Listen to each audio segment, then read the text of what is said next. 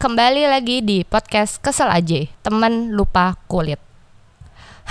Jadi gue tuh dulu pernah punya temen. Ya gue deket sama dia sebagai teman ya Karena gue searah pulang rumah gitu deh. E, Terus suka curhat-curhat Dari A sampai Z Sampai gue curhat dia curhat ya. Pokoknya deket banget deh. Tapi di saat dia punya pasangan Ngejauh lah dari gue. Ya dia punya hidupnya dengan pasangannya Ya gue menghormati itu. Tapi di saat dia punya masalah Dia balik lagi ke gue dia curhat lagi ke gue kayak ngerasa nggak ada apa-apa gitu. Padahal kayak hello gue itu bukan orang yang lo cari di saat lo punya masalah aja. Tapi ya jangan kayak gitulah kalau di saat lo nggak punya pacar. Yang paling nyebelin adalah dia tuh nggak tahu kalau itu tuh salah. Lo salah tau nggak? Datang ke gue cuma untuk curhat keluh kesah lo. Padahal ya gue juga punya keluh kesah. Ya gue juga nggak harus nyari lo. Nih buat lo temen gue dulu. Peka please. Ah temen yang lupa kulit itu lo